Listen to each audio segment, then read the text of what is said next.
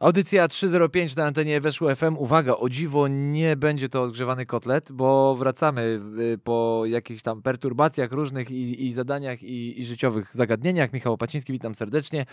I zapraszam, od tej pory już będziemy regularnie e, rozmawiać w miarę na świeżo o tym, co się dzieje, nie tylko w NBA, ale dzisiaj zaczniemy od NBA, bo parę zaległości e, mamy do nadrobienia, no a skoro mowa o nadrabianiu zaległości, to bez prymusa basketu to się nie odbędzie. Prymus basketu, człowiek... E, przynajmniej dla mnie, według mnie, jeden z największych mózgów w sieci i nie tylko w sieci. Michał Górny, podcast specjalny. Dzień dobry. Dzień dobry, chociaż słowo prymus nie kojarzy do końca mi się dobrze, chociaż to jest dobrze, bo to jest jedyna chyba postać, która przeżyła w Młodych Wilkach, nie? A, pry, no tak, Prymus przeżył. A, faktycznie, ja wiesz, widzisz, o Młodych Wilkach nie pomyślałem, to mnie trochę zagiąłeś. No ale to dobrze. jest boomerstwo, to jest boomerstwo. Nie, no to mm, tak, mów, znaczy wiesz, że ty, że boomerstwo, to ja wiem, Mhm. ale ja się boję, że u mnie też już coś zaczyna boomerstwo. Mhm. I zastanawiam się, jak dla boom... Ale boomerstwo to nie boomelanstwo, nie mylić tych pojęć. Natomiast jako boomerzy zastanawiam się, Michał, bo nasze ostatnie spotkanie było e, jeszcze w pre-season e, i jeszcze było przed moim pre-season, bo wiesz, już ci się chwaliłem, pochwalę się Państwu, że już mam w domu starting five. E, Natomiast e, to boomerstwo doprowadziło nas do takiej ciekawej dyskusji a propos przewidywań dotyczącej naszej drużyny y, ukochanej, bo jesteśmy w końcu dziećmi Jordana, czyli Chicago Bulls. Jeśli pozwolisz, zacznę od tego oklepanego tematu. Wiem, że idę w populizm. Wiem, bardzo to wiem. Natomiast y, trudno jest nie pójść y, w ten populizm, mam wrażenie, ale od razu dodam coś od siebie. Czy nowa piłka może pomagać Chicago Bulls? Czemu? To tak No jakby nie wiem. Nowa piłka miała rzekomo utrudniać to zawodnikom NBA, a to chyba nie jest prawda. Dobrze, to ułóżmy to po kolei. To wolisz najpierw o Chicago czy o piłce? I obalamy mity, czy je podtrzymujemy? Ja nie wiem, czy coś jest z mitami związanymi z piłką. To chyba po prostu konsekwencja tego wszystkiego, tego, że mniej się zdobywa punktów, niby są gorsze procenty za trzy punkty i tak dalej. To jest, ko- to, to, to jest wszystko wina tego też, między innymi, że mamy w końcu normalny sezon i też są jakieś aspekty pewnie psychologiczne w tym, że są ludzie na trybunach, że są drużyny, które nie do końca chcą rzucać do kosza. Ale wydaje mi się, że to jest też związane z tymi faulami, że to, to wszystko się wyrówna, te rzuty osobiste z trójkami i tak dalej, bo to mimo wszystko ma jakiś ze sobą związek, mimo że nie jest powiązane w akcjach w meczu jakoś bezpośrednio. Mhm. Na przykład jednego zawodnika czy coś, biorąc grupowo pod uwagę ten, e, tą sytuację. A czy piłka? A, ja nie wiem, czy to jest jakiekolwiek znaczenie, czym rzucasz, byleby było okrągłe po takich ilościach godzin, setek milionów oddanych czymkolwiek do kosza. Wiesz co, zastanawiam się, bo ja zacząłem o tej piłce nie dlatego, żeby znowu podgrzewać, wiesz, temat, który gdzieś wraca i mam nadzieję, że on ucichnie y, prędzej czy później. Natomiast y, odbijam się od słów Paula George'a, y, który jest jednym z tych zawodników, bo to nie tylko on, ale kilku powiedziało, że nie ma tego touchu. Nie ma tego czucia jeszcze tej piłki. Zawodnicy jeszcze jej nie mają, bo wspomniałeś o tych setkach godzin, milionach godzin niemalże spędzonych z piłką, Spaldinga w ręku. Natomiast sam też wiesz, że pierwsze zderzenie z inną piłką, pierwszy kontakt, no wymaga jej po prostu wyczucia. No tak, ale co jeśli pojedziesz na jakąś imprezę albo grasz na jakichś e, kadrowych sprawach? Tam nie zawsze był Spalding. E, Na igrzyskach chyba nie było Spaldinga, prawda? No tak, no prawda, oczywiście, że tak, no bo Wilson A wszędzie więc- dominuje. Więc jeśli na krótkiej próbce jesteś w stanie wykrzesać siebie w ogóle w innym środowisku, na innej piłce, tego samego, nie wiem, typu procenty i tak dalej, bo pewnie tutaj o to chodzi, no to y, na tej też powinieneś. Poza tym może trochę jest w tym coś prawdy. Nie wiadomo na ile wcześniej kluby zostały przygotowane na tą sytuację, ale prawdopodobnie zostały przygotowane tak, że mieli przynajmniej pre-season, żeby się obrzucać. Więc myślę, że na razie nie ma co robić tragedii, ale chyba y, należy wspomnieć, że pamiętamy też taki moment, że NBA wprowadziła super, super syntetyczną piłkę. Miała być ekstra, minęło kilkanaście tygodni, już przestała być ekstra, bo nie była ekstra. Y, Była za twarda, cięła ręce rozgrywającym, była zrobiona z innych materiałów, no i trzeba było wrócić do tego, y, co znamy teraz, czyli pseudoskóry, można powiedzieć. No. Skóra, skóra ze sztucznej świni. No właśnie, ja nie wiem, czy to jest ze świni, czy innego zwierzątka, ale już chyba już w 100% jest sztuczna i to słowo skóra to już jest tylko lepsza mieszanka gumy i jakichś syntetyków. lepszy Sky tak naprawdę. Czyli generalnie biorąc pod uwagę to, kto narzeka na tę piłkę, to chyba to jest takie marudzenie, wiesz, złej baletnicy, y, chwilowo nie bardzo ten rąbek u spódnicy jakoś y, sprzyja. Ja Poza tym też y, wydaje mi się, że to trochę psychologia, wiesz, no nie wychodzi ci, nie trafiasz do kosza, znajdź ma jakieś wyjaśnienie, a to na pewno jest spalding. Poza tym te różnice nie są aż tak duże, żeby, żeby chyba można było jeszcze uruchamiać teraz taką dyskusję, Boże, to wszystko spadło o 10%, oni nie są w stanie trafić do tego okrągłego, miedzianego przedmiotu pomalowanego na czerwono. Okej, okay. no dobrze, to zostawiamy temat y, piłki z boku i zostawimy na chwilę Chicago Bulls, bo ja tak chciałem oczywiście pokrętnie zacząć o Chicago, ale ten wątek i tak się pojawi, bo zapytam Cię najbardziej ogólnie jak się da, biorąc pod uwagę to, że za nami jest ten pierwszy tydzień, pierwsze dwa, półtora, no mm. przyjmijmy, że dwa tygodnie, bo dzisiaj, bo co czwartek, z czwartki hity NBA i tak dalej, więc przyjmijmy, że dzisiaj mm, mijają dwa tygodnie od startu sezonu y, NBA. I pytanie najprostsze, najbardziej ogólne, Michał, jakie ci zadam, y, w, w, trochę w sprzeczności z tym, jakie dialogi potrafimy prowadzić. Czy coś cię zaskoczyło, kochany, w tym sezonie już? I czy to, że mamy te tabele konferencji tak wyglądające, a nie inaczej, to jest pewien naturalny porządek świata, który za chwilę nam się odwróci i będzie trochę mini status quo z ostatnich lat z paroma niespodziankami, czy tak będzie dłużej? To zależy na co będziemy patrzeć. Mm, dobrze. Mów bo, dalej. Bo to jest też trochę tak, jak w zeszłym sezonie było z jedną, może dwiema ekipami. Tutaj takie na przykład Cleveland Cavaliers nie przypomina niczym drużyny, która e, trochę nie wiem, czy tak Atlantę. Wiem, że to inne pułapy są, e, w sensie zasięgu wzrokowego tego, co przed nami, co chcemy osiągnąć, ale to są takie zaskakujące drużyny, które może gdzieś tam będą, ale to jest pewnie e, półtora tygodnica tylko i, i potem i potem do widzenia, ale y, chyba, chyba poza dwiema, trzema ekipami to większość to są zaskoczenia. Mhm. I nawet o ile Chicago Bulls no, w dalszym ciągu jest niezidentyfikowanym obiektem latającym w ofensywie na wschodzie, bo jak na razie to wszystko wygląda za pięknie, jako wieloletni y, obserwator tych wszystkich tragedii, które tam miały miejsce, z momentami na szczęście w 2010, tak gdzieś w okolicach, to jeszcze im nie wierzę. Ale to wygląda za pięknie. I Chicago Bulls jest po prostu za piękne to, co zrobili z Bostonem. O, ja nie wiem, ile generacji, znaczy generacji zespołów, tych takich, nie wiem, no, yonder zespołów, które się tam chciało, chciano zbudować, yy, potrafiłyby coś takiego zrobić. Więc mhm. masa takich drużyn, no nie wiem, no, chociażby Waszyngton też. Znaczy, wiesz co, upraszczając naszą dyskusję, jedno co się nie zmienia, to pozycja Detroit Pistons. No nie, ale to też, ale widzisz, z Detroit nieładnie się śmiać jest. Przepraszam, ale... No... Bądź co bądź wygrywają. No. Przegrywając wygrywają. Oni są po prostu...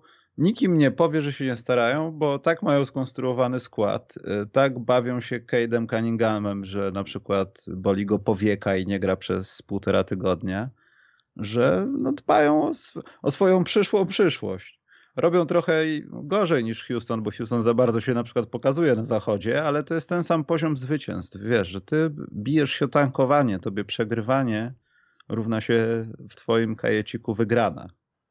Stąd też 1-6. No tam gruntowna reforma jest y, potrzebna, że ta reforma już się trochę dzieje od połowy zeszłego sezonu, mam wrażenie, kiedy został tylko jeden zawodnik e, składu, ze składu, który zaczynał miniony sezon, jak mhm. pamiętam. Mm. O ile dobrze no, ale... pamiętam. No ale to jest ten proces, który Detroit musi przejść, jeśli chce myśleć o jakichś play-inach, już tam broń Boże playoffach i tak dalej. To jest, no to jest ta przebudowa, no, którą obserwujemy albo obserwowaliśmy na, w perspektywie no, ostatnich sezonów w kilku innych ekipach po prostu. Mhm. A pozostając w konferencji wschodniej, bo mówisz, że to jest piękne, co zrobili Bulls z, z Bostonem, natomiast ja mam takie wrażenie, e, mimo, mimo tego, że oczywiście to jest początek sezonu, the very beginning, tak sobie to nazwijmy, e, z amerykańska, to jednak e, chyba Bostończycy sami ze sobą coś robią i coś chcą zrobić, ale chyba nie w tą stronę to idzie, w którą miało to pójść. Czy, tam, czy to jest taki trochę trochę początek syndromu filadelfijskiego, wiesz, że przez parę lat słyszeliśmy teraz the process, teraz the process, a tak naprawdę w tej chwili mm, no Filadelfia ok, jest na innym miejscu w tabeli, ale musiało dojść do jakiegoś wstrząsu. I czy ten wstrząs w Bostonie też jest y, w jakiś sposób potrzebny? My tam mieliśmy ostatnio, powiedzmy, w dwóch ostatnich sezonach mówiliśmy o wstrząsie też w Bostonie, że trzeba podjąć decyzję, kto jest tak naprawdę kluczowym zawodnikiem i wokół kogo obudowywać skład, tak ostatecznie. Wypadło na tej Tiuma, teraz jakby ktoś od nowa rozpoczął tą rozmowę, to może troszeczkę wypadać na, na Brauna. Ale to chyba jest problem tej ekipy, że to wypada zawsze na kogoś, ale nie ma konkretnego tego, no, nie chcę nazywać tego też lidera, ale osoby, która przynosi ci zwycięstwa do drużyny, bo jak przychodzi co do czego, to no jeden nie może, drugi nagle ma fatalne procenty w końcówkach i, i te zwycięstwa nie przychodzą, albo po prostu cały mecz jest tak e, rozegrany, że ty nawet nie masz czego gonić, albo w ogóle o czym myśleć, bo przeciwnik cię dusi. I tutaj na pewno trzeba kilku ruchów kadrowych, tylko pytanie jest, no podobnie jak w Filadelfii, tylko że Filadelfia upraszcza sprawę i Ben Simmons ją trochę utrudnia, ale też ją upraszcza. E, że musisz podjąć decyzję, kogo zostawić z tego, no nie chcę powiedzieć świńskiego duetu, ale z y, no, duetu zawodników, którzy mogą za dwa lata może się okazać, albo za półtora roku może się okazać, że to jest za późno, żeby cokolwiek z nimi robić, oddawać, bo na przykład już na przykład Tatum jest tak dobry, że chcemy przy nim zostać, ale Browna nikt nie chce, albo w drugą stronę, albo ceny są za wysokie. I to jest właśnie problem, że czasami masz takich dwóch równych zawodników, którzy są, no, można powiedzieć tak samo dobrzy, ale czasami na różnych przestrzeniach jakichś warsztatów koszykarskich. Nie wiem, czy to obrona, czy atak i no i nagle są tak dobrzy, że, że nie są tak dobrzy razem. Nie potrafią się zmaksymalizować wysiłków. Wiesz co, ja się tak zastanawiam, bo maksymalizacja wysiłków tego duetu to jest jeden temat, ale drugi, patrzę sobie wnikliwie, kiedy y, ty mówisz te słowa, mm, przeglądam sobie wnikliwie skład tegorocznego, tegoroczny skład Boston Celtics. I mam problem ze znalezieniem, widzę trzon drużyny, ale nie widzę takiego realnego wsparcia. I jeszcze jak zobaczyłem y, teraz kontrakt Ala Horforda, no to spadłem trochę ze stołka, mimo wszystko. Bo mm, o ile Jalen Brown i prawie 27 baniek dla 25-latka, e, dobrego 25-latka, dobry 23-latek Jason Tatum, obaj wciąż perspektywiczni, bo doskonale wiemy, że koło 30 te kariery wtedy błyszczą najbardziej ci zawodnicy. Liderzy bezapelacyjnie. Fajny Peyton Pritchard, o któremu o coś chodzi i jest tani. Tani Dennis Schroeder, który może coś wnieść. Marcus Smart, wiadomo, przede wszystkim obrona, duch drużyny Boston Celtics, jak zresztą Larry Bird go nawet e, sam, e, Larry Bird go tak nazwał. Natomiast m, mm, reszta, wiesz o co mi chodzi. No fajnie, jest, są liderzy, jest ze dwóch zawodników z ławki, ale patrzysz na cały skład i sobie myślisz, no nie pomyślisz sobie inaczej, nie pomyślisz o finale konferencji, może pomyślisz o półfinale konferencji, ale z drugiej strony szybko lądujesz na ziemi. Oczywiście. Y, mało tego, wymieniłeś tych dwóch zawodników, zwłaszcza Pritcharda. To, to jest też tak, że e, trochę powiedziałeś o nich, jacy chcielibyśmy, żeby oni byli, bo oni zawsze tacy są. Peyton Pritchard, ja wiem, to jest młody zawodnik, na niego breakout sezon może za sezon, za dwa, ale też można było czegoś innego się spodziewać po tym, jak na przykład no, dużo minut też nie dostaje bez jakiegoś hura optymizmu, ale jak pojawia się na boisku. Po prostu może to jest też właśnie rzecz tego, że no, zawodnicy nie wiedzą, na kim mają polegać, w sensie, no, jak jesteś w zespole, masz jakiegoś tego lidera, nawet jeśli o tym nie mówisz i tak dalej, to trochę spychasz część rzeczy na niego, że dobra, ja nie trafię rzutu, ale on zbierze, ten na pewno trafi, podajemy mu piłkę. I myślę, że właśnie tego brakuje w Bostonie, bo są dwie osoby, które potencjalnie mogły być odbierane i też nie do końca wiemy, jak to jest w środku szatni. Czy, czy jest tak, że w ogóle szatnia reaguje na to, że ich jest dwóch, tylko że słuchają się jednego. To jest bardzo ważne. A jeśli powiedziałeś y, tutaj o płacy Horforda, Horford to jest lepszy spryciarz. On się niby tam nacierpiał, jakieś Oklahomy, a tutaj przychodzi teraz double-double sobie robić, wiesz, to ja, mi to jest w ogóle go nie żal. Nie, to ja, znaczy, nawet nie mówię, że mi żal Ala Horforda, bo jego jako jego nie, no bo jest, wiesz, jak jesteś sprytny w NBA, to mm, możesz sobie wykręcać statystyki, kiedy chcesz. Jak nie chcesz, to też nie musisz, a kasa i tak się będzie zgadzać. Więc to absolutnie, tylko bardziej jakby nie mogę...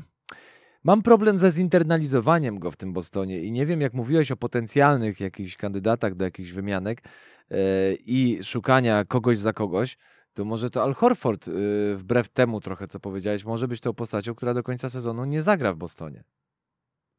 Hmm, może też tak być. Poza tym, czy możemy to troszeczkę zrzucić na trenera, który musi to nagle poskładać, a też nie należy do osób, która rozegrała 20 sezonów? No też tak może być, też tak może być. No, postać trenera i Meudoka dla, wiesz, niezaangażowanych kibiców, którzy powiedzmy śledzą NBA, ale nie siedzą, nie, śled, nie, nie siedzą w niej e, tak insidersko jak chociażby ty, no to już mogą mieć problem. Kto to jest Imeudoka?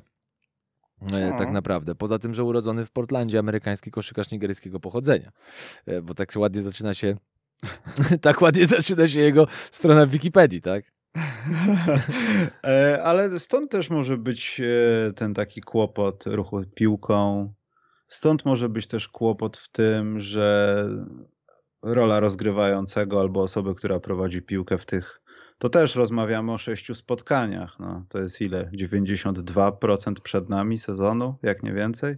Nie no, dlatego ca cały czas w duchu, to też warto podkreślić, my rozmawiamy w duchu takim, że mm, próbujemy trochę bawić się w kolegów z ESPN i wy wyciągać próżne, próżne i daleko idące wnioski po pierwszym tygodniu, który, czy pierwszych dwóch tygodniach, które nam coś pokazuje, ale jest trochę jak spódniczka mini u kobiety. Dużo odsłania, najważniejszego nie widać. Dokładnie tak jest z rotacją Bostonu. Mm. Jak ze spódniczką mini? Tak, i za dużo nie widać właśnie tutaj w tym przypadku. No to jest spódniczka no, maxi raczej.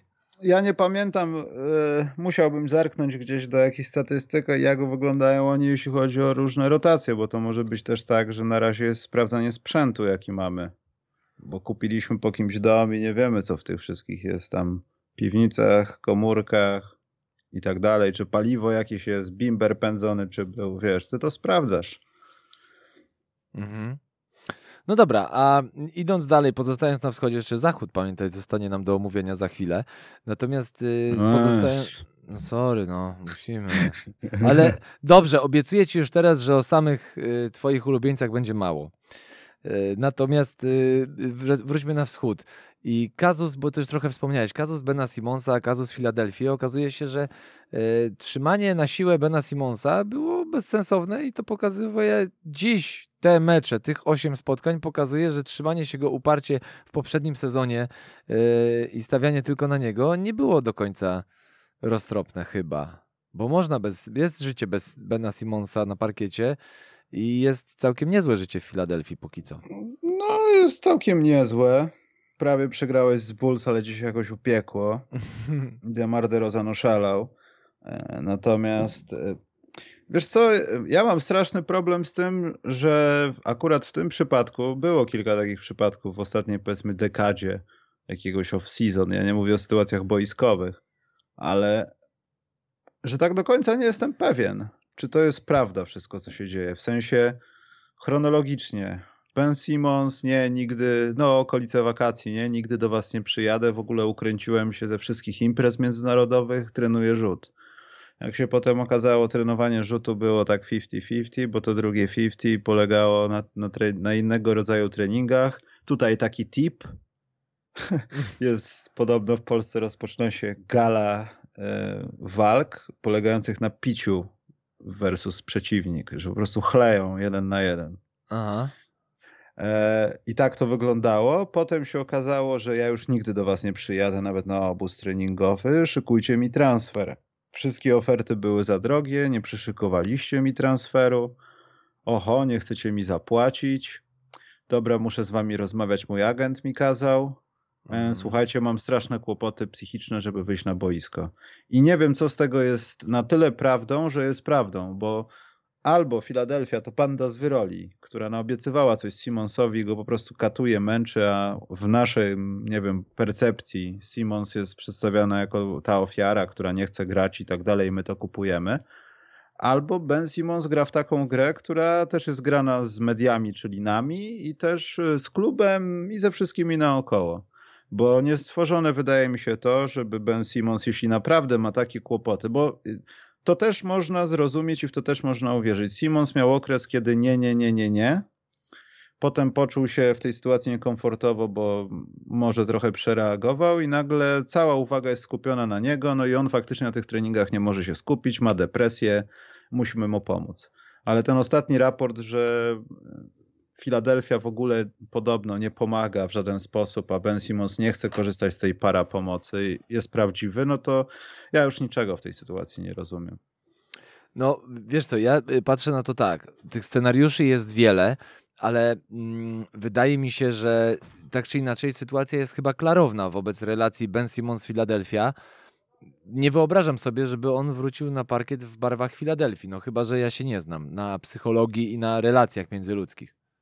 Mm, jeśli nie wkroczy NBA i ta sytuacja będzie tak wyglądać, to też jest kolejny aspekt tej sprawy, że może po prostu Filadelfia z Benem Simonsem celowo umówili się na sposób rozegrania tej sytuacji w taki sposób, nawet kosztami jakiegoś wizerunku medialnego, tylko po to, żeby NBA nie zareagowała, no bo już przed sezonem widać było reakcje takie, że to jest niemożliwe, żebyśmy dopuszczali do takiej sytuacji, że zawodnik mówi oficjalnie nie zagram sobie przez sezon, bo szukajcie mi transferu.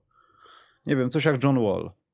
Z Johnem Wallem nikt nie ma problemu, że on powiedział przed sezonem nie będę grał na boisku, ale z przyjemnością będę pełnił rolę mentora dla y, młodziutkich rakietek mhm. które prawie wygrały sobie z Lakersikami.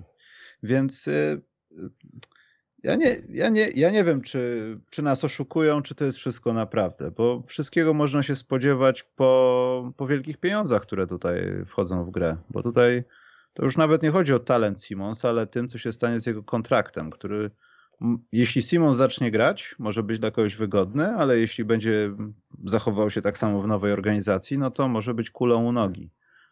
No i to jest taki no trochę dodatkowy bagaż, który kupujesz z zawodnikiem. Dobra, może to jest naiwne, co powiem, ale mm, w kontekście tego, co ty powiedziałeś, Ben Simmons wracający do składu y, Sixers, parkiet, szatnia, koledzy z drużyny, no wiesz, to są charakterne chłopaki, albo jesteś z nami, albo nie jesteś z nami, zdecyduj się człowieku. Y, rozumiesz, o co mi chodzi, że może być tak... No, ostatnie akcje poprzedniego sezonu w wykonaniu Simonsa, odgrywanie piłki i tak dalej, to na pewno by, byłoby jakimś polem do dyskusji dynamicznych bądź mniej w szatni. Jakoś tak, Oczywiście, tak, wiesz, od tak. razu mi przychodzi James Harden w Houston, końcówka Hardena w Houston. Mm. Jakby, wiesz, takie... No, no niby wyjdzie na ten parkiet, niby coś zagra, poda tak naprawdę temu, kogo lubi, a nie temu, któremu powinien, który jest na dobrej pozycji, wiesz, takie Rozumiesz, to trochę to, to jest bardzo patowa sytuacja mimo wszystko.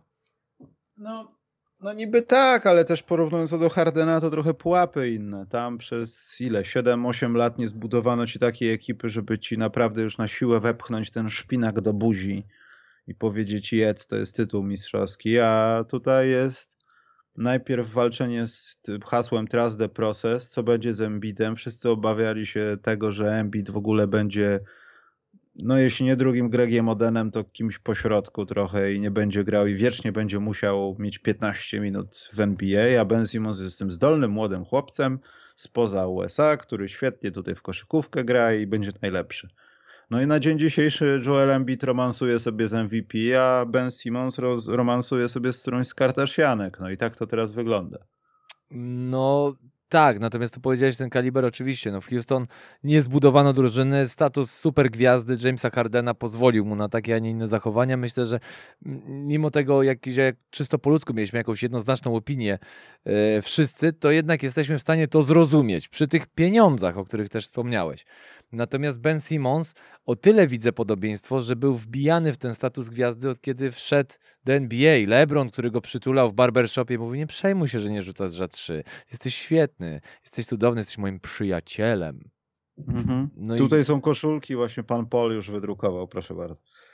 No więc właśnie, i teraz rozumiesz, y, jakby trudno jest nie, nie widzieć podobnej, jakby podobnego schematu sytuacji, tylko że różnica polega na tym, że o ile James Harden się tak naprawdę rozwija, on to dla niego niebo jest granicą, jeśli chodzi o rozwój koszykarski, tak samo jak dla Stefana Karego, jeśli chodzi o rozwój rzutowy.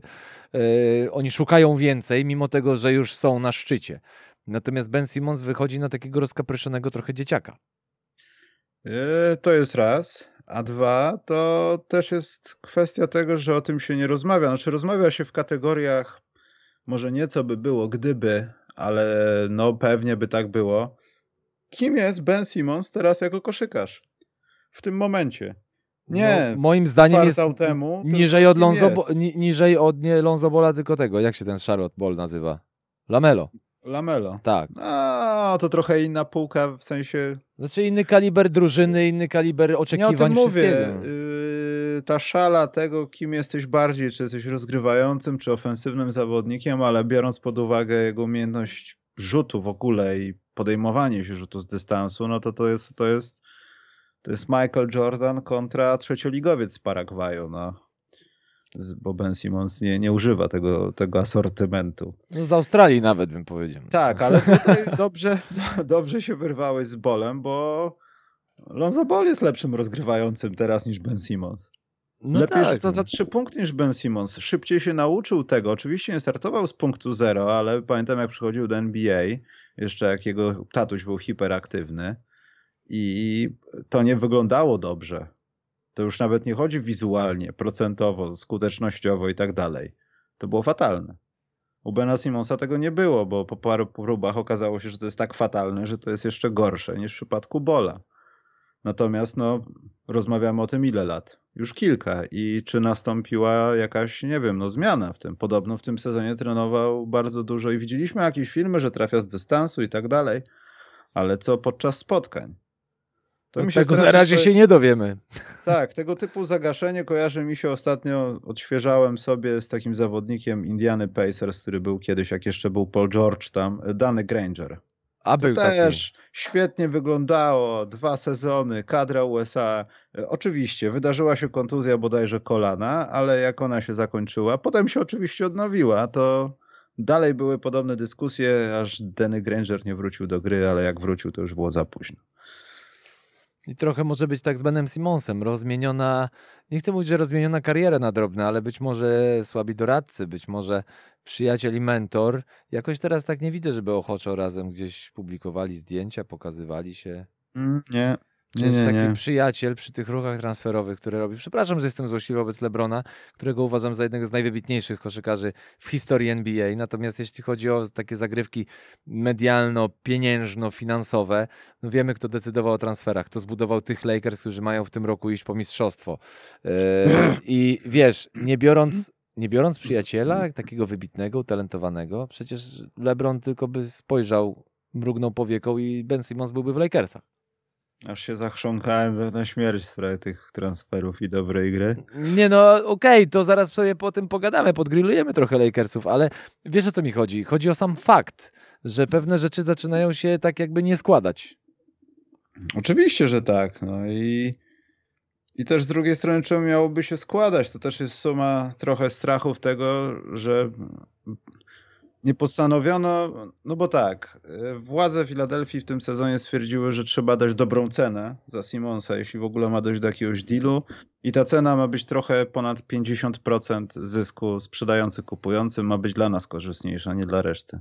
I to też trochę odstraszyło potencjalnych kupców. Potem jak się okazało, że nie ma kupców albo są tacy, na których ewentualnie Simons się nie zgadza, nagle pojawiły się problemy i sytuacja wróciła do punktu wyjścia, czyli do jakości jego jako jako koszykarza. No i to, to jest, zdaje mi się, sytuacja patowa. Albo ktoś podejmie to ryzyko i potem będziemy czytali nagłówki, tak, to jest wizjoner. Ten człowiek z Detroit uwierzył Simonsowi i go przekonał do tego, żeby podpisać. Z Detroit teraz jesteśmy w finałach NBA. Albo y, Detroit to banda debili, którzy wzięli gwiazdora, który nie zagrał u nich przez dwa lata i wydali bardzo dużo pieniędzy. Oczywiście Detroit to tutaj przykład, ale no, ta sytuacja tak się skończy. Bo też z drugiej strony nie wierzę w to, że Ben Simmons wraca do składu i on naprawdę wtedy nie dostaje depresji. Nie, nie, nie wierzę w to, bo już myślę, że tam są jakieś żarty, dziwnie się na niego patrzą, ciuch, ciuch, idzie, wiesz, telefon komórkowy na treningu w kieszeni. No to, to świadczy o tym, że ty już zrozumiałeś, że popełniłeś błąd i że może i słusznie wszyscy z ciebie drą łacha, jak to się mówi, ale ty już nie możesz z tym nic zrobić, tylko pokornie głowa w podłogę i doczekać do końca lekcji na przykład, nazwijmy to, porównując do szkoły. Mm. No i Ben Simmons chyba, no, mam nadzieję, że nie stracimy go z oczu, ale, ale no, no, no nie widzę tutaj tej y, samo ukazującej się legendy Bena Simonsa, która sprawia, że to będzie jeden z najlepszych rozgrywających w historii NBA. Nie przy dzisiaj, wiesz co, jakby on się urodził za późno. Takie mam wrażenie, bo gdyby Ben Simmons urodził się w latach 90., to byśmy byli osikani z wrażenia, jak on funkcjonuje na parkiecie, jak on cudownie gra. Nawet nie w latach 90. To jest trochę, mm, trochę jak, wiesz, wiecznie zapowiadający się na gwiazdę Ricky Rubio. Yy, nie ma specjalnie tego, no Ricky Rubio różnica jest taka, że trafia za trzy. Zaczął trafiać za trzy, ale wiesz o co mi chodzi, że gdyby Ben Simmons był trochę starszy, urodził się wcześniej, wcześniej tę karierę, to jest oczywiście gdybanie, bo to jest niemożliwe, żeby tak było. Natomiast gdyby tak było, to myślę, że Ben Simmons status gwiazdy by miał, bo grałby w takim systemie i w takich czasach, kiedy nie musiałby rzucać. Dzisiaj się tego od niego oczekuje. I tu jest chyba cały kłopot Bena Simonsa. Nie będziesz dobrym rozgrywającym, jak nie będziesz rzucał. Paradoks. No w ogóle, no, w dzisiejszej koszykówce nie rzucasz, nie istniejesz trochę. Trochę tak jest. Bo na takich Draymondów, Greenów to często nie ma czasu. Dobrze, jak takiego masz, ale, ale lepiej, żebyś rzucał. Wiesz, Draymonda Greena możesz mieć, jak masz taki skład, jak mają Golden State Warriors, jak masz Stefana Karego, który w najważniejszych momentach bierze na siebie ciężar. Ja ci powiem, że w zeszłym sezonie, yy, kiedy Warriors byli delikatnie mówiąc lekko beznadziejną drużyną, ja byłem tak mi się podobało, tak uwierzyłem Stefanowi Keremu, tak uwierzyłem w magię Stefana Kerego, tym jak on walczył, kiedy był na parkiecie, kiedy mógł grać, kiedy nie miał kontuzji, jak on ciągnął zespół. Mm. To jest fenomenalne. I wtedy, mając takiego lidera przez naprawdę absolutnie największe L na świecie, możesz mieć Draymonda Greena. Draymonda Greena, który, yy, gdzie jasno jest powiedziane, ty tam sprzedawaj bilety, ja będę tutaj dbał o kosz. To też prawda, no ale to jest, wiesz, to jest y, posiadanie to jest atut, ale też nie szukasz na siłę, bo musisz wypełnić inne luki w drużynie i to, to już jest niestety wymóg, że no większość, zresztą popatrzmy sobie na Cleveland, o którym wspomniałem wcześniej. Mhm. Z bandy wyrzutków, która miała zostać podjęta szybkiej przebudowie drafty Laurie Marka na zsyłce, może nie grają super systemowej koszykówki, ale rzucają do kosza i trafiają. I to wystarczy. Nawet na tym obniżonym procencie i tak dalej, i tak dalej. Chicago Bulls robi dokładnie to samo, dlatego wygrywa mecze. Po prostu trafiają do kosza i starają się utrzymywać przewagę, jeśli to tylko możliwe. No chyba, że gonią i doganiają przeciwnika, no ale tutaj to z Bostonem się akurat udało. No. Ale Chicago Bulls y, mają y, zawodnika, który moim zdaniem, z którego trochę żeśmy się, takie były mm, no, żarciki, troszkę żeśmy się podśmiewywali, mówię o tym młodym, łysiejącym człowieku, którego mam wrażenie, który się paradoksalnie zbudował w Lakersach. Mimo tego, że się śmiano, że on ma łatwo, bo wiadomo, że jak odda piłkę do Lebrona, to i tak będzie miał asystę, ale Lebron też mu był w stanie zaufać i to potrafił Alex Caruso w decydujących momentach rzucać te trójki. Czy trafiał, czy nie, to nie jest ważne. Ufa ci King James. Już niezależnie od tego, czy go lubimy, czy nie lubimy. Ufa ci ktoś taki. Ufają ci koledzy. Przychodzi do Bulls, godzi się na to, y, żeby okej, okay, wchodzić z ławki, ale dostaje minuty i to solidne i robi robotę. Nie mówię, że hmm. zdobywa seryjnie punkty, ale masz trzech, masz, wiesz, ja patrzę chociażby ostatni mecz, popatrz na asysty. 11 asyst Lonzo Ball, Alex Caruso razem. Dziękuję, dobranoc. Tu mamy, tu jesteśmy bezpieczni. Lonzo Ball, który przeżywa mm, odrodzenie kariery, takie mam wrażenie, i Alex Caruso, który przyjdzie i powie, Dobra, dobra, tylko dajcie mi jeszcze w bonusie jakąś maszynkę do golenia, żebym łeb ogolił. No, ale to jest kilka spraw w tym jako, jak gdyby w, schowanych, ponieważ to też jest bardzo dużą zasługą tego, że y, oni grają pod Donowanem, który od początku nawet sam chyba o tym wspominał, że no nie będzie ukrywał, że w dalszym ciągu będzie starał się dążyć do tego, że w ramach własnych środków, y, no, zasobów ludzkich, będzie dążył do tego, żeby utrzymywać szybkie tempo gry, mieć e, dobry ruch piłki, grać sobie kontrą i robić masę innych rzeczy, które się kojarzyły z tym, co robił przez większość życia, czyli z NBA. E, z NCAA, przepraszam. Mm. No ale trudno prostu... też, wiesz, tu ci wejdę w słowo, trudno, trudno no. się nie zgodzić z, Donovan, e, z, z Billim Donowanem, jeżeli masz tak, Zach Lavin, eksplozywny zawodnik, DeMar DeRozan, daj mu piłkę i weź popcorn do ręki. I do tego Lonzo Ball, I Nikola Wucewicz, który, dobra, jak mogę pobiegać, to sobie pobiegam, ale ja tak naprawdę to nie muszę biegać, ja mogę być pod obręczą. Wszystko jest fajnie. No, Wucewicz kojarzy mi się z człowiekiem, który zawsze mówi, jak jest u ciebie, tam płonie, dach i tak dalej. A to nie jest. Everything is fine. No, Jak ten memiczny piesek. No ale to dobrze, takich zawodników też potrzeba w ekipach, tu zamiast, nie wiem, stroszyć się jak Ben Simmons, że zagra, nie zagra, na koniec dnia depresji dostał. Więc y, to jest na plus. I co chciałem powiedzieć, że Caruso to jest efekt właśnie tego, że jest drużynie, która wykorzystuje najwięcej jego potencjału in plus, bo to co się dzieje to jest in plus, to że on biega, skacze, yy, uruchamia się w transition, potrafi trafić gdzieś tam z rogu, to wszystko się zgadza. Gdyby grali jakiś, nie wiem, inny, inny sposób, powiedzmy jak San Antonio, trochę, nienawidzę tego słowa, ale tak trochę jest, koszykówki pozycyjnej, to może i by sobie nie poradził. Więc wydaje mi się, że to, jak to się mówi, to jest bardzo dobry fit. E, I byłem tego pewien od początku, tylko trochę się bałem, że ta ofensywa to będzie za mało wobec tego, co Chicago i w ogóle Caruso i reszta będą mogli dać w defensywie, ale póki co, no, jak widać, defensywa w innych częściach NBA też, też nie jest za dobra, więc jeśli da się z tego korzystać, to ekstra, bo im szybciej teraz wezmą te zwycięstwa, na pewno nadejdzie kryzys jakiś w tym sezonie. Coś się stanie takiego mikro niedobrego, że z tego 6-1, 6-2 coś, coś niedobrego się wykluje, dlatego trzeba łapać zwycięstwa teraz, póki, póki konkurencja śpi, bo to, że Toronto ma podobny bilans, to jest zaskoczenie. To, że jest Miami, o którym nikt nie mówi, a grają świetnie w obronie i miażdżą przeciwników, to też jest jedna sprawa, więc no Bulls muszą z tego korzystać. Ja wiesz co, ja mam takie wrażenie, bo skoro też zahaczamy o Miami, że mm, i nawet celowo dorzucę to nazwisko z Bostonu jedno, że mówimy o gwiazdach, e, podniecamy się transferami gwiazdorskimi, ale mam coraz większe mm, przekonanie, być może błędne i ten sezon to zweryfikuje na pewno. Natomiast ta liga, okej, okay, gwiazdy wiadomo, że są gwiazdami, ale ona trochę, albo inaczej, coraz bardziej opiera się na takich zawodnikach, jak właśnie mówimy, Alex Caruso, Lonzo Ball, Lamelo Ball, wschodząca gwiazda, y, Tyler Hero, Peyton Pritchard. To są goście, którym jeżeli trener zaufa, oni wiedzą, to są świadomi zawodnicy.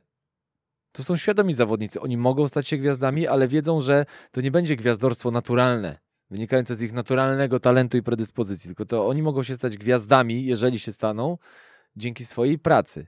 Więc jeżeli trener mi ufa, to ja się odwdzięczam. Odwdzięczam się na początku efektywnością. Ergo Alex Caruso. Alex Caruso, który grał po 12-15 minut, ale to było 12-15 minut potu i łez na parkiecie. Dzisiaj dostaje po 30 minut z ławki i pięknie to wykorzystuje i się mm. odwdzięcza, rozumiesz? Dlatego Miami, e, okej, okay, o Miami nie mówimy, ja też trochę o nich zapomniałem, przyznaję się, uległem temu. Nie, w e, ogóle taka tendencja jest, że w, w, Stanach się nie mówi za dużo o Miami. No tak, ale jakby i może to jest właśnie, to działa na, na ich plus, yy, jeśli chodzi o drużynę, tym bardziej, że wielkich zmian w Miami też z drugiej strony nie było. Parę było, wiadomo, ale nie były to jakieś zmiany, wiesz, no dobra, PJ Tucker, no, w defensywie, ale jakby to samo, no. To jest to samo. To samo i to samo i to samo. Najlepsza drużyna w NBA teraz chyba. Yy, tak. Tak mi się wydaje, przez to co robią w defensywie. Poza tym Kyle Lowry jest coraz bardziej świetny i pasuje, chociaż obawiałem się, że jego olbrzymi zadek nie będzie w stanie nadążyć za biegającymi tam. Bama Debajo szczuje ludzi. Wcale nie wygląda takiego wysokiego gościa, jak jest naprawdę. To jest mm. bardzo dziwne. On wygląda trochę jak Ben Simmons. No, nagle prostuje ręce i, i on ma 6 metrów. Y, to jest świetne. No i w ogóle oni przypominają powoli taką drużynę, jaką kiedyś byli, kiedyś, kiedyś za Bena Wallace'a trochę, Detroit Pistons. Tam już nawet y, oni nie chcą mieć nazwisk, nazwisk na koszulkach, tylko mają same numery, bo to jest drużyna i nie wiadomo kto, kiedy, kogo zablokuje, po prostu są. I to, to zaczyna coraz bardziej e, przypominać takiego, takiego starego, dobrego gracza z lat 90., takiego, wiesz, solidnego gracza, ta drużyna cała. I to jest też taki trochę klucz do sukcesu, że z, potrafią zahukać przeciwnika, no, potrafią wejść tak na psychikę graczy ofensywnych, że ich po prostu nie ma. No trochę takie skurczybyki, no. No. Przepraszam za to określenie, może nie wypada w radiu, ale tak trzeba to nazwać, wiesz, no. no, no wygrywasz wszystkim... sobie z Nets, wygrywasz sobie swoją drogą ze świetnymi Grizzlies, wygrywasz sobie z Hornets, którzy też potrafią sprawić kłopot, mimo że nie są super czołówką NBA, to potrafią sprawić kłopot swoją szybką, e, szybką grą w ataku. Wszystkim potrafią, nawet najlepszym, więc to jest jakiś wyznacznik, że że tam są dobre rzeczy teraz. No i warto obserwować Miami.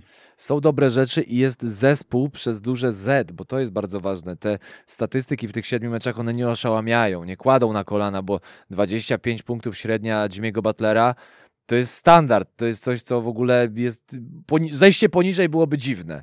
E, Tyler Hero, absolutnie 22,4, super. Jakby bazuje na liczbach. Ja wiem, staramy się w tym programie, wiadomo, o liczbach nie gadać za dużo, ale bardziej chodzi mi o to, żeby zobrazować pewien aspekt. Trzech zawodników na poziomie 20, Kyle Laury tam 10 z kawałkiem, Duncan Robinson za chwilę dwucyfrowa średnia, za chwilę Markif Morris dwucyfrowa średnia, Dwayne Dedmon, myślę kwestia czasu, będzie w okolicach 9 punktów na mecz.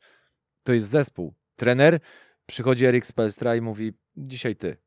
Ale co ja? No dzisiaj ty zagrasz w pierwszej piątce. Ale jak to ja? Bo tak. Bo możesz. Bo możesz, bo mam ten komfort. Możesz. No, poza tym też y, warto wspomnieć o tym, że gra Miami może oczywiście no, mają świetnie dobrany skład do takiej gry, ale to też jest y, bardzo proste. Y, gra wygląda tam w ten sposób, że sobie na przykład w obronie switchują wszystko, po czym tak już się zeswitchowali, że wiedzą o tym, że tutaj trzeba deskę tak zastawić i zbierają piłkę. I I mówią, może... I mówią bam, bam, bam. Tak, leć, aportuj. I, tak. to jest koniec. To jest koniec. To jest bardzo prosta koszykówka, jednocześnie no taka potrafiąca ci wejść w głowę, że jak już dwie kwarty ci to robili, no to tobie się już nie chce biegać z tyłu tutaj, tobie też się nie chce robić określonych rzeczy, bo po co, jak ten szaleniec znowu coś ci zrobi zmusza cię do błędów, wymusza rzuty, kiedy nie jesteś dobry, a ktoś na tobie wymusza rzuty i rzucasz ich dwa razy więcej, a nie jesteś tym dobry, no to, to, to znaczy, że, że zrobili to, co chcieli, już jest za późno. I do tego jeszcze moim zdaniem cholernie ważny aspekt, jeśli chodzi o defensywę, zwłaszcza defensywę, ale niezwykle ważny zawodnik w szatni. To jest moim zdaniem jeden z lepszych transferów w ogóle, jakich dokonali Miami Heat. PJ Tucker. No to mówię z pełnym przekonaniem. Ten mały czołg w obronie, gość potrafi grać na pozycji numer 5, będąc o głowę niższy od rywali. I ich przesuwa, przestawia, robi co chce. Tak, tak. No jest, to jest, jest silny wiesz, przede wszystkim na tych nogach swoich i potrafi ustać. To, to jest, jest mało, małomówny, małomówna wersja Draymonda Greena, może albo inaczej. Draymond Green jest dużo gadającą wersją PJ Tuckera. O, ja nie wiem, czy on tak mało mówi. Ja myślę, że to znaczy, jest on, on sobie tam mamrocze, znaczy inaczej, on sprawia wrażenie, że mało mówi, ale on tam mamrocze, bo jest mniej ekspresywny, jeśli chodzi, on więcej mówi ustami, a nie macha łapami, tak? Ale jakby myślę, że to jest... Ja zresztą wiesz o tym, Michał, i, i słuchacze też o tym wiedzą doskonale, że ja zawsze stoję w kontrze wobec krytyków Draymonda Greena, bo ja widzę jego wady, ale widzę też mnóstwo zalet. I tak samo jest z PJ Tuckerem. On, dobra, czasami trafi trójkę, ale no niespecjalnie jest zawodnikiem ataku. On przede wszystkim ma zadanie postawić mur. Mur, od którego spokojnie odbija się Bam Adebayo, lecąc wyżej. Rozumiesz? On stawia mur, a po tym murze wspina się Bam. I masz takich, takich gości, to aż chcesz mieć. No Bam wiadomo jeszcze w ataku, tak? Mm. Ale jakby popraw mnie, jeśli zabłądziłem, ale takie mam wrażenie. Nie, no jak najbardziej. Poza tym może to nie jest ten sam, ten sam poziom mobilności, ale Draymond Green i trochę Bam potrafią dobrze kogoś gdzieś wypatrzeć, podać piłkę, zrobić rzeczy, które no, często ludzie tych rozmiarów nie robią, albo po prostu y, do tego stopnia tak słabo to robią, że nie chce się, żeby to robili. Tak, no tutaj, żeby rozmawiać właśnie o Draymondzie Greenie, o PJ'u Tuckerze i im pokrewnych, bo parę, myślę, paru takich zawodników znajdziemy, to trudno jest się opierać o statystyki takie te, które mamy standardowe. Trudno jest mówić o efektywności gry w kontekście minut i przełożenia tego na wynik na parkiecie. Jakby Pamiętasz takie określenie kiedyś funkcjonowało, to Wojtek zresztą, którego pozdrawiamy serdecznie, to forsował, zwłaszcza przy meczach euroligowych polskich drużyn, że gra poza statystykami. I wiesz co, o ile to brzmiało tak pocieszająco dla polskich zespołów, jak dostawały euro w piernicze, o tyle e, to zaczyna brzmieć bardzo realnie, jeżeli zaczynamy mówić o dzisiejszej NBA. Nie ma statystyki, która by określiła to, co oni robią na parkiecie. Mhm. A to jest zawodnik, którego chcesz mieć. I ktoś, kto właśnie nie żre parkietu albo nie siedzi codziennie tak jak my i nie szuka jakichś informacji, tylko po prostu chce obejrzeć mecz, mówi sobie, a dlaczego PJ Tucker średnio na parkiecie jest po 20 parę minut, jak on nic tam nie wnosi? Ale wyjmij go z tego parkietu i zobaczysz, ile wnosi. Tak, poza tym e, takie rzeczy widać, jak się wkłada i wyjmuje z gracza te statystyki on-off the court, kiedy, kiedy widać, co się dzieje z drużyną, jak, jak ten gracz jest na parkiecie albo nie jest. To nawet te jednostkowe statystyki się nie pokrywają z tym, co tam widać bardzo często. Tak, to, to, to, to zdecydowanie. E, chcesz zachód? Bo nie mówiliśmy nic o zachodzie w ogóle dzisiaj. O ja Warriors trochę. To jest jak gdyby twój program, więc... No mój program, ale słuchaj, moi goście mają swobodę, doskonale o tym wiesz. Nie chcesz? Bo nie będziemy gadać, pogadamy z Olegi. Albo o innych rzeczach. Albo o innych rzeczach, dobrze. To co, co u ciebie, jak samochód? Jeździ? Bardzo ładnie. No dobrze, ale dobrze jeżdżący samochód mam wrażenie jest y, w Utah Jazz i nie jest to wcale zaskoczenie. I to, że u Golden State Warriors są tu, gdzie są, to też nie jest zaskoczenie. Zgodzisz się z taką mocną tezą? Mm, jak najbardziej, aczkolwiek Utah Jazz, no. Ja nie chcę powiedzieć, że jeśli przegrywasz z Bulls, bo to jest trochę nieaktualne. no. Ale patrząc od początku sezonu, przepraszam, to Utah nie chcę źle dobrać słów, są świetni w ataku. To jest naprawdę potwór w ataku. Czasami patrząc na to, jeszcze przed podaniem, kiedy piłka, ja nie mówię o kontrze, ale piłka jest w rękach kogokolwiek z jazz, zatrzymasz sobie mecz i popatrzysz, gdybyś był postawiony w tej sytuacji na PlayStation, w ile miejsc mógłbyś spokojnie podać, żeby mieć czyste rzuty albo czyste punkty, no to, to, to można złapać się za głowę i po, i po prostu tylko sobie ryso, przerysowywać te wszystkie schematy. Natomiast przegrywając z Bulls i to absolutnie zero, zero żartu. Pokazujesz też trochę, że e, to też nie do końca wszystko funkcjonuje. Na początku sezonu też nie wszystko dobrze funkcjonowało. Ja wiem, że bilans tego nie pokazywał. Ale mimo wszystko Utah Jazz myślę stać jeszcze na więcej i to dopiero zobaczymy i to co widzimy na przykład, nie wiem, e, patrz Donovan Mitchell, który też miał bardzo taki, no może jesteśmy w sześciu meczach, mówienie, że bardzo słaby start to jest nadużycie, no ale wolniejszy start. Nie chcę powiedzieć fal start trochę. Myślę, że my dopiero zobaczymy potęgę Jazz, jeśli tylko wejdą na obroty, bo te mecze pokazują, nawet ten mecz z Rockets pokazywał, że to też nie jest tak, że no Jazz są na pewno teraz w, tych power rankingach, na, nie wiem, pierwszych dwóch, trzech miejscach, to u każdego muszą być. Natomiast wydaje mi się, że my widzimy jakieś 60-70% tego, procent tego, co możemy zobaczyć gdzieś w zimie, już tam w styczniu, może w grudniu. Bo to jest straszne. To, co potrafią zrobić rzutem za trzy punkty i z, i z tym, że ewentualnie jeszcze mogą sobie dorzucić jeden albo dwa rzuty przez zastawienie tablicy, no to to jest to jest yy, coś po prostu strasznego. No. To jest coś, co Golden State chciałoby mieć teraz. Te takie lata gry 2015-16, to tak trochę może wyglądać z dołożeniem jeszcze tego mordercy. No nie, nie oszukujmy się, Rudy Gobert jest mordercą, jeśli chodzi o tablicę i mało kto może mu się przeciwstawić. Ja ci powiem, że Utah Jazz, tak jakby już upraszczając trochę tę rozmowę, y, są taką drużyną i ich gra nie tylko w tym sezonie, ale w zeszłym, dwa sezony temu, to, że widać tam gołym okiem koncepcję, to jest fenomenalne. Widzisz koncepcję, widzisz kierunek, w którym oni chcą iść, a i tak na parkiecie rywale mają z tym problem. To jest przepiękne. To wszystko powoduje to, że Quinn Snyder to jest gość, y, który wygląda jak wygląda, można nim dzieci na dobranoc straszyć, ale ja bym chciał powiedzieć Quinn chodźmy na piwo. Ja nie zrozumiem tego, co ty do mnie powiesz. Ja i tak tego nie zakumam. Jak ty to robisz? Ja cię nie będę pytał, jak ty to robisz. Chodźmy na piwo, jakie lubisz. Po prostu, pogadajmy, co u żony, jak dzieci. Bo ja tego nie zrozumiem. To jest tak fenomenalne, że ja nie jestem, nie chcę tego zrozumieć. Tylko widzisz, to też jest trochę tego wynik, że on w zasadzie, w ogóle Utah Jazz są w takim położeniu, że nie mają wyjścia trochę.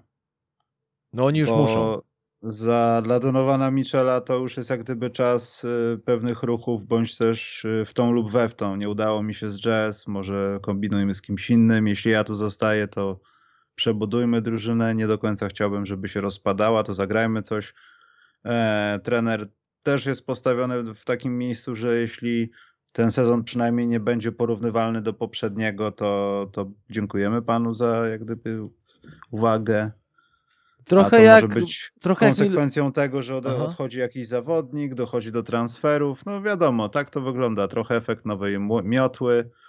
E, temu nie pomaga fakt, że już nie pamiętam, czy to też dotyczyło Royce'a O'Neilla, ale Bojan, Jordan Clarkson i Mitchell są no byli też na początku, to trochę teraz się wyrównuje, no bo na pewno jazz grają lepiej niż tam te kilka dni temu. E, no procent rzutów za trzy punkty nie jest za dobry. Niby ofensywa jest super, ale skuteczność nie jest za dobra i to świadczy No, Ale o sam tym, wiesz, że... że jak się rozkręcą, to będzie lepiej. Ja wiem, ale to świadczy tylko też, że to, co widzimy, to jest też taki jakiś, nie wiem, no, proces prób. I tych prób może być trochę. I one mogą wyglądać tak, że będą zwycięstwa, mogą wyglądać tak, że nagle no, będzie gorzej i nie będzie tych zwycięstw. No i jak do jazz dopłynie ta presja, no to dodajemy sobie wszystkie czynniki i wiemy, co się dzieje w takich przypadkach. Takie ekipy zwykle do lutego w składzie pełnym nie zostają. No, zobaczymy. Na razie wygląda to obiecująco e, i ja się wolę trzymać tej optymistycznej wersji tego potencjału, który oni są w stanie jeszcze uwolnić, że jeszcze mają te rezerwy i wtedy mm, myślę, że marzenie byłoby takie, że spotkamy się na przykład po All-Starach w tej audycji i porozmawiamy i powiemy rany, stare finały Bulls Jazz. Uuu, ale to by było piękne. Tak, z nogi w nocniku musiałbym trzymać całą. Nie, ale tak poważnie, Utah Jazz w ogóle zero, zero jakichkolwiek żartów. To jest teraz, można powiedzieć, że nie, nie jedna, ale no, jedna z dwóch najlepszych ekip w NBA teraz.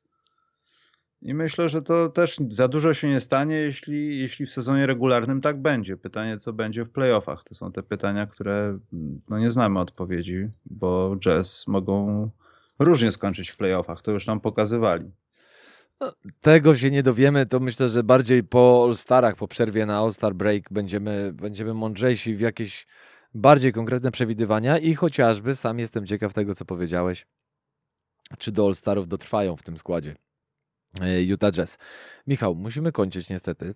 Mm, Niestety, bo tych tematów jeszcze byłoby sporo do Eee, przewałkowania, ale mam... Lakersi czekali No na roastowanie, a tu miałem tyle notatek. No, przepraszam, W no. bibliotece byłem. Jak Bardzo chcesz, dobrze. Możemy za tydzień. Czekaj, dajmy im szansę. To zrobimy tak. Ty trzymaj te notatki, do uzupełnij je i za dwa tygodnie pogadamy. Dobrze. Bo będzie miesiąc, miesiąc po, już wiesz, miesiąc trwania sezonu, taki kalendarzowy miesiąc, Miesięcznica. miesięcznica i wtedy będziemy mogli roastować, bo myślę, że tematów do grilla oni nam dostarczą jeszcze sporo. Ja właśnie myślę, że oni będą tak dobrzy, że ja powiem, że ja niby miałem otwarte okno, na parapecie były kartki. I akurat był pożar ulicy obok i te kartki tam wpadły. I ta straż pożarna tam przejeżdżała i, Jo, jo robiła tak, dokładnie i tam tak. z tragarzami przechodzili też przy okazji niektórzy. Tak, tak, no. tak. Dobrze, to zobaczymy. To te, tego się trzymajmy. To, to jest taki. Nie, zróbmy my im challenge. My kompletnie dla nich anonimowi dwaj goście. Zróbmy challenge gwiazdom z Los Angeles. Zobaczymy, co z tego wyjdzie. Michał Górny, podcast specjalny. Bardzo, bardzo serdecznie dziękuję. Dziękuję bardzo. Dzięki, trzymaj się. No i oczywiście polecam, polecam podcast specjalny. Słuchaj ta, bo warto. Tam jest dużo treści, a mało obrazka i to jest najpiękniejsze. Trzymajcie się. Dziękuję. Miłego. Najlepszego. Dzięki, Michał. Trzymaj się. Cześć.